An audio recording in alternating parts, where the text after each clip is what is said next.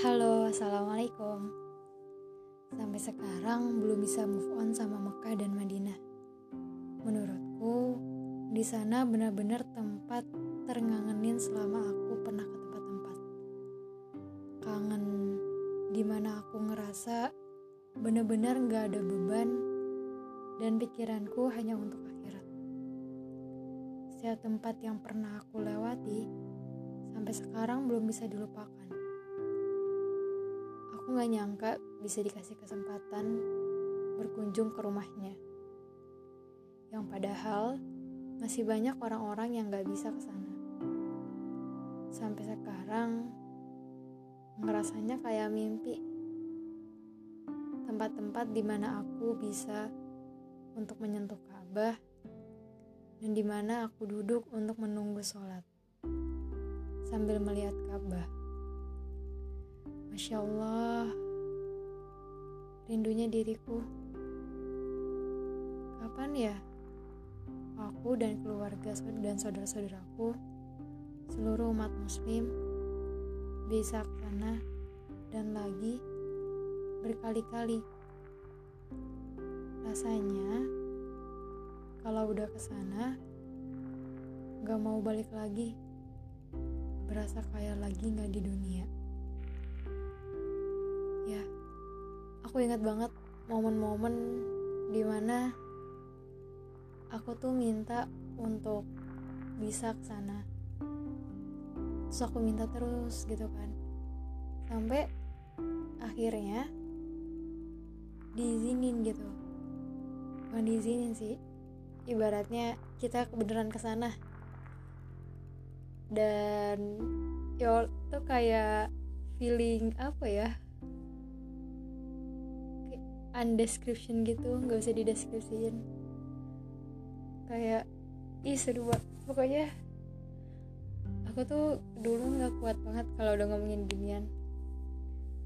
Karena ada rasa yang beda gitu. Jadi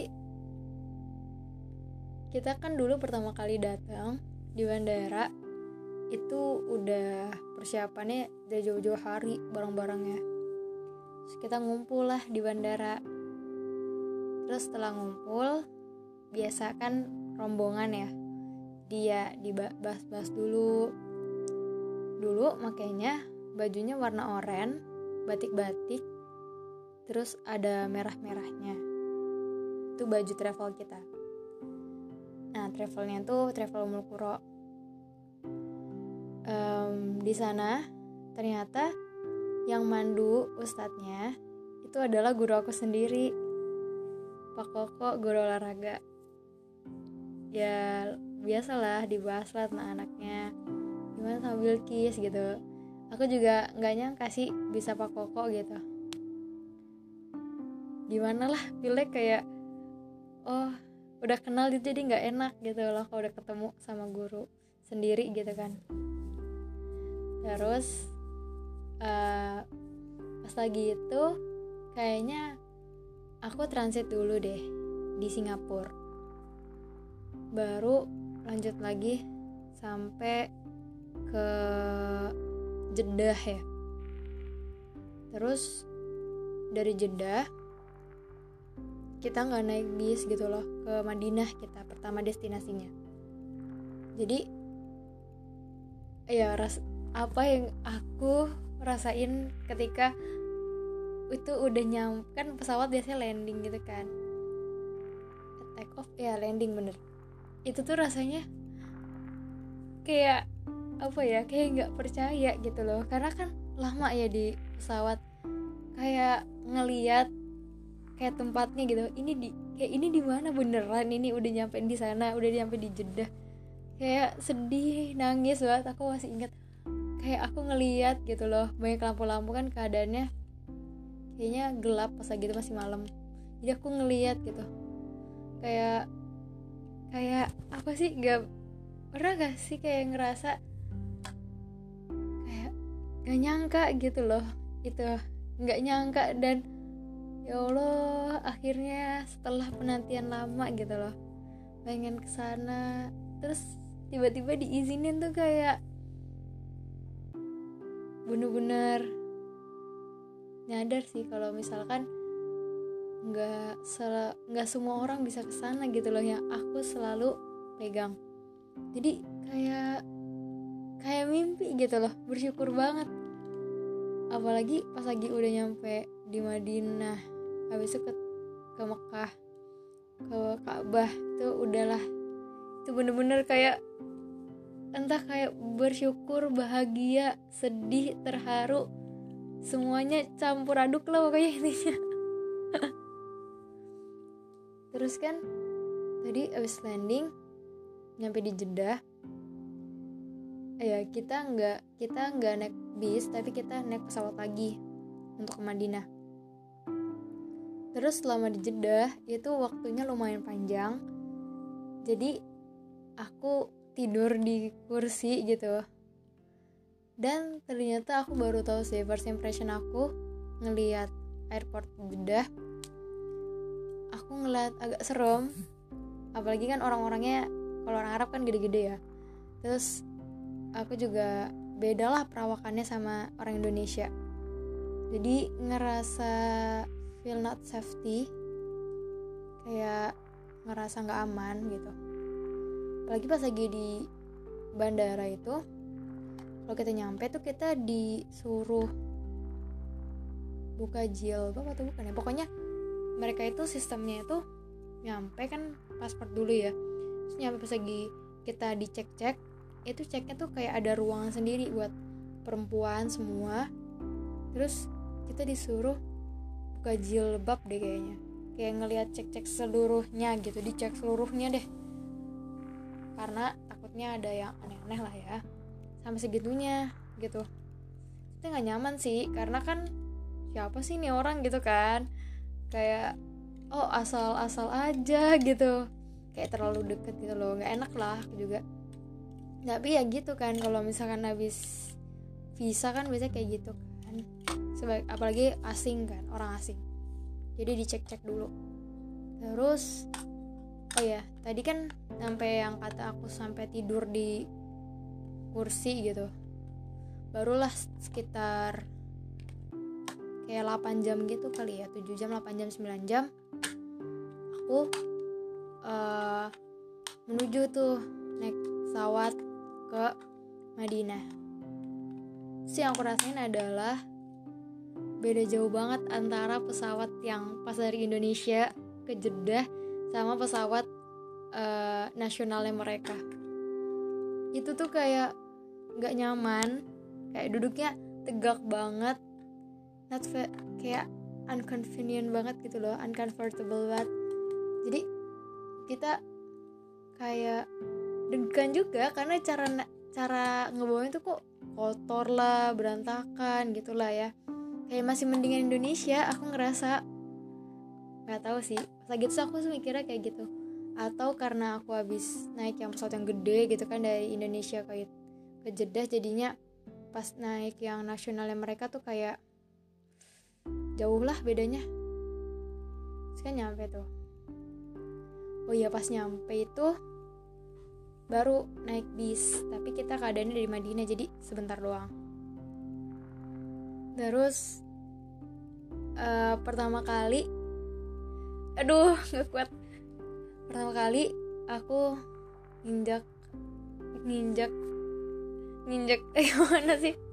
Nginjak Madinah dan itu kenapa ya? Kalau aku ya masih kebayang-bayang gitu. Pertama kali aku menginjakkan kaki aku di tanah Madinah. Terus kayak ih gak kuat. Nangis gak kuat kayak kayak ya gitulah.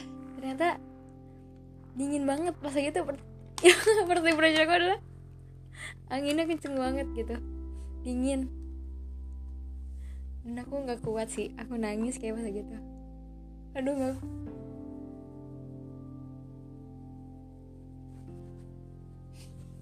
Jadi jadi pas lagi itu kan kita biasa lah ya cekin dulu gitu. Ke hotel ternyata ada satu hal yang aku ingat. Hotel mereka kan liftnya cuma dua ya. Jadi entah kenapa pas lagi di awal kayaknya ngantri-ngantri dulu deh gitu.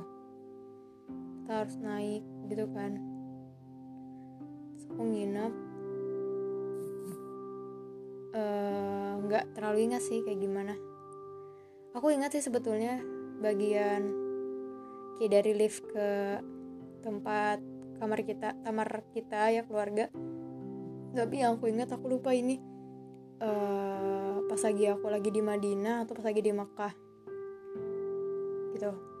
Cuman aku ingatnya pas hotel di Madinah tuh tempat makannya cateringnya. Oh ya di cateringnya juga jangan berharap ternyata dikirain makanan Arab. Ternyata enggak makanan Indonesia juga. Orang-orangnya juga orang Indonesia chefnya. Ada. Terus udah tuh kan. Aduh gak kuat sekali. Astagfirullahaladzim. Terus dengan keadaan dingin aku jalan tuh kan dari eh, hotel ke Masjid Nabawi. Jaraknya itu nggak jauh kayak dari depan Adikarya ke rumah tapi lebih jauh dikit lah. Kira-kira lebih jauh 10 meter lah. Pokoknya nggak jauh lah bisa jalan. Jadi emang Masjid Nabawi itu tempatnya tuh deket sama hotel-hotel gitu. Mekah pun kayak gitu. Terus pas lagi aku nyampe pertama kalinya aku lihat gitu. Itu tuh ternyata kayak gitu. Aneh banget ya penjelasannya. Maksudnya aku nggak expected ternyata Masjid Nabawi Mekah itu eh Mekah Masjidil Haram itu segede gede-gede banget gitu itu gede banget sih. Aduh aku bener-bener kayak aduh kayak wah masya Allah sekali ya tempatnya. Terus dan aku nyampe aku sholat kan. Jadi sholatnya aku nggak bisa di dalam karena ternyata udah mulai sholatnya gitu sedikit lagi. Jadi kalau misalkan mau sholat di Makkah Madinah eh Madi ya eh Masjidil Haram dan Masjid Nabawi itu harus 30 menit sebelumnya gitulah kira-kira. Jadi baru bisa masuk di dalam ya udahlah di luar kan. Itu aduh sedih banget. Nggak kuat. Nggak kuat banget serius. Itu bener-bener pertama kali dan ya Allah aku udah nyampe di sini gitu. Kayak ya Allah aku udah bisa nyentuh. Kayak setelah nggak dia bisa. Itu tuh kayak itu kan kadang dingin gitu. Terus hati juga lagi bahagia terharu gitu kan. Jadi semua tuh campur aduk lah pokoknya rasanya. Sana pas lagi aku nyampe udah selesai sholat aduh habis itu aku dikasih makanan sama sama orang gitu. Jadi kalau misalnya di Mekah di Masjid Nabawi dan Masjidil Haram itu terkenal orang-orang tuh pada baik banget suka berbagi. Dan aku dikasih kurma sama jahe. Kayak bukan kayak jahe gitu deh rasanya teh katanya sih kata mereka tapi ternyata jahe kayak jahe kayak jamu rasanya. Itu pertama kalinya aku kayak orang ngasih kita gitu kan. Jarang banget di masjid kita dikasih itu. Gitu sih. Banyak sih cuman ini banyak. Emang mostly orang tuh pada ngasih-ngasih. Jadi itu. Habis itu aku nggak inget kayak gimana lagi kejadiannya. Cuman kalau aku aku ingat pas lagi aku masuk gitu kan ke Masjid Nabawi itu tuh tempatnya masya Allah megah banget. Jadi air zam-zam tuh ada di mana-mana Quran ada di mana-mana. Terus tempat Quran itu yang kayu Quran itu ada di mana-mana banyak banget. Kayak yang dulunya kita kalau ke Indonesia itu harus ngambil air zam-zam tuh sedikit-sedikit. Di sana tuh itu gluk-gluk tinggal gitu. Karena mereka nyediain air zam-zam sampingnya ada gelas plastik itu tuh tinggal minum aja jadi itu itu abis itu gede banget megah banget gitu masya Allah. Terus pas lagi aku sholat sempat terus gitu juga ternyata kalau siang-siang itu tuh bisa buka gitu loh dinding atasnya itu kebuka terus ditunjukin gitu wah masya allah itu tuh kayak gini gitu. Bisa ngeliat ke atas terus kayak kayak apa sih? Kayak orang norak tau gak ada norak. Aku tuh norak banget. Aku ngeliat ih kebuka keren banget gitu kan masya allah kayak kayak gitulah kayak geraknya tuh kayak lucu banget. Aku kayak oh bisa kebuka gitu kan ternyata. Bahkan kalau lihat masjid Nabawi uh, lihat itu kan ada apa sih payung-payung gitu kan yang terkenalnya. Aku sih aku sempet jadi aku tuh dateng tuh keadaannya nggak pernah pas lagi gerak. Cuma pas lagi kayak dari nutup ke kuncup ke lebar gitu eh pernahnya pas lagi udah lebar sama pas lagi kuncup gitu. Jarang aku ngeliat pas lagi lagi gerak kayaknya. Cuman it's very very very enggak. Sedih itu masya allah banget. Mau foto terbaik itu dia di situ. Itu fotoable banget deh pokoknya. Bagus banget cantik banget pokoknya. Terus karpetnya pun karpet itu bukan karpet abal-abal itu tuh itu papi banget. Maksudnya karpet masjidul masjid Nabawi itu lembut banget. Terus kayak tebel gitu enak banget gitu. Apalagi dingin kan masa gitu. Terus aku pun uh, sempat ada pengalaman. Aneh sih. Untuk kan masjid Nabawi itu dingin ya. Tiba-tiba karena ya ke masjid Nabawi juga banyak terus sendal aku hilang. Sendal atau sepatu ya hilang. Panik dong. Aduh ini di mana di mana cuman ada satu. Eh akhirnya ya udah. Gara-gara aku salah ya udah aku akhirnya nyeker.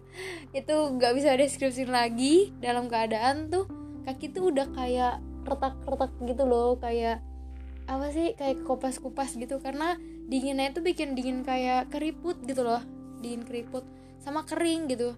Jadi kayak cuacanya dingin kayak cuacanya terang banget tapi dingin gitu. Jadi kayak luka-luka mulutnya gitu loh kayak mukanya juga nggak halus gitu kayak kayak kering gitu loh muka kita.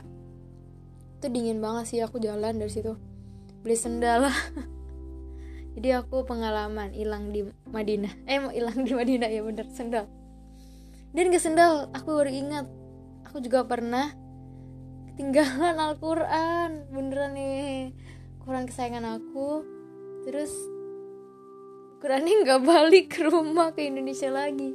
Tinggalan di Madinah di Masjid Nabawi. Nah aku bawa-bawa terus aku lupa ambil kan. Habis sholat gitu. Kan kalau Quran nggak boleh dibawa jadinya aku taruh habis aku lupa ambil. Terus kita juga pernah makan kebab. Aku ingat di jadi kebabnya itu ada di jalan jalan menurut dari hotel ke ke mana dari hotel ke Masjid Nabawi kan itu antara jadi tuh itu bener-bener full crowded banget sama hotel-hotel. Jadi depan hotel samping kanan kirinya tuh hotel-hotel gitu kan. Terus di jalan itu adalah yang jual kebab gitu aku nyobain. Yang aku rasain adalah wah beda banget sih rasanya. Kayak kebab yang aku tahu di Indonesia itu kan taste-nya itu jadi orang orang orang Indonesia lagi kan. Jadinya ternyata kebab aslinya tuh nggak kayak gitu gitu loh bener-bener banyak dalamnya tuh aku nggak nggak suka sih lebih enakan kebab Indonesia karena mungkin taste nya aku juga Indonesia kan. Sausnya juga sausnya enakan saus ABC saus saus orang Arab gak enak beneran asam-asam gitu nggak pedes juga. Jadi ya gitulah nggak cocok. Terus di pas lagi di Namis Nabawi kayak sempet jalan-jalan sih. Cuman aku nggak inget ya jalan-jalannya. Cuman peng pengalaman oh jalan-jalan ke ini ke pasar gitu. Ke pasar ada pasar di, di samping Masjid Nabawi itu ada pasar. Jadi pasarnya tuh aku beli apa aja ya beli baju ada juga mainan-mainan pokoknya kayak oleh-oleh gitulah ada mak buah juga ada kayaknya. Kayak pasar lah sampingnya ya. Terus aku lihat-lihat. Terus ada pengalaman pas lagi aku itu kalau misalkan aku kan selama di Masjid Nabawi tuh selama di Madinah di Arab lah ya. Aku benar feels not safety banget gitu loh. Jadi pengen nutupin segalanya gitu loh. Aku tuh kayak cadar aja tuh menurut aku tuh kayak buat protek diri sendiri gitu. Kalau aku tuh karena saking gak nyamannya. Terus aku kan kayak gitu ada orang anak kecil. Gitu deh pokoknya orang-orang tuh kayak gebar-bar ya bertegang dia bilang hey you're pretty kayak cantik cantik uh, Jamila Jamil Jamil. Tuh gitu kayak gitulah. Cantik gitu aku jadi nggak enak gitu loh saking gitunya. Karena takut gitu takut banget sih. Takut banget takut diculik takut takut ya pokoknya takut lah nggak ngerti kenapa. Gitu jadi aku sempat tuh lagi di Arab tuh pakai cadar. Nanti aku ceritain cadarnya gimana. Uh, terus oh ya pas lagi di Mas Nabawi sempat kan aku tuh nggak oh ya cerita dulu ya fasilitas dulu fasilitas. Jadi uh, pas Mas Nabawi itu di mas uh, kamar mandi itu di luar. Jadi kamar mandinya itu malah aku ya aku lihat itu ke bawah sampai ada apa sih namanya ro eskalator ya eskalator ke bawah gitu. Jadi ini di luar Masjid Nabawi masjid habis itu ada kamar mandi habis itu kita turun ke bawah gitu. Tang antara tangga sama eskalator baru ada kamar mandinya di situ. Kayak basement lah ya. Jadi gitu bener-bener jauh gitu.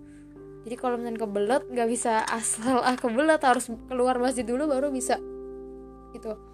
Cuman kamar mandinya di luar pagar. Jadi Masjid Nabawi itu kayak ada pagar pagar besar dan itu pagarnya tuh kayak ada pintu berapa pintu berapa pintu berapa. Banyak banget pintunya. Sampai 20 kali lebih mungkin. Nah terus aku di pintu berapa aku harus ingat ini pintu berapa. Terus nanti baru di dalam situ ada kamar mandi gitu kan. Kamar mandi yang tadi turun ke bawah. Baru kita bisa ke daerah uh, ke daerah masjid baru masuk ke dalam masjid gitu. Nah untuk daerah perempuan sendiri dia juga punya apa sih namanya kayak agak tembok gitu loh. Ini untuk daerah perempuan. Jadi kalau misalnya laki-laki kita kan habis sholat nih nungguin mereka mereka tuh nunggu di luar gerbang gitu. Bukan gerbang yang paling besar tapi gerbang yang khusus perempuan gitu. Lucu banget ya pokoknya ih kayak Ih, kayak pengen kayak ditungguin gitu loh so sweet banget. Lucu banget. Kalau kata orang sih kayak so sweet kayak lucu ada yang nungguin gitu sampai ditungguin. Jadi jangan sampai hilang lah kalau di mandi di tidak bawi. Tapi aku sempet gini nggak hilang tapi aku kan lagi pengen di masjid Nabawi aja gitu. Jadi aku kadang tuh itu yang bikin aku kan suka berantem sama mama. Kamu tuh gini gini gini baca Quran lama banget.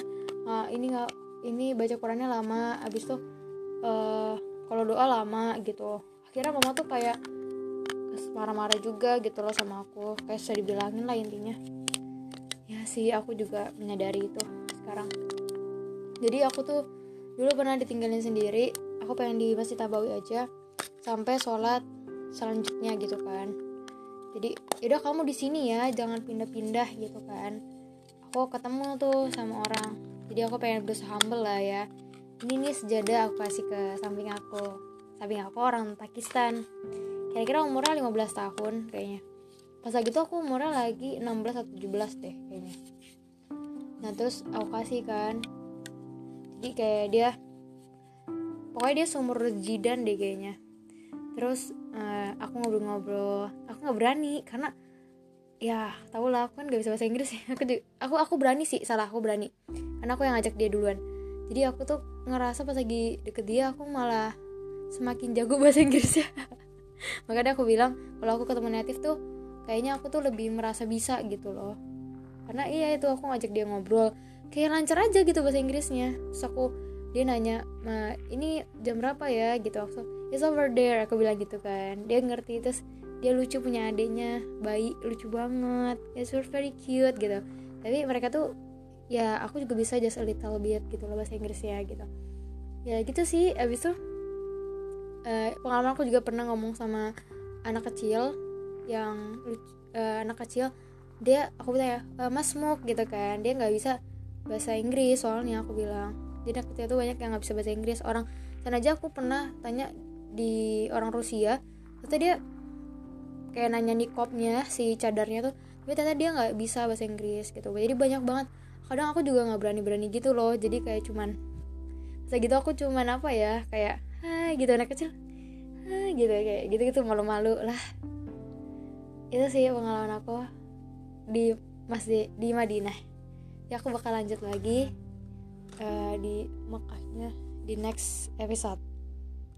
Oke okay, stay tune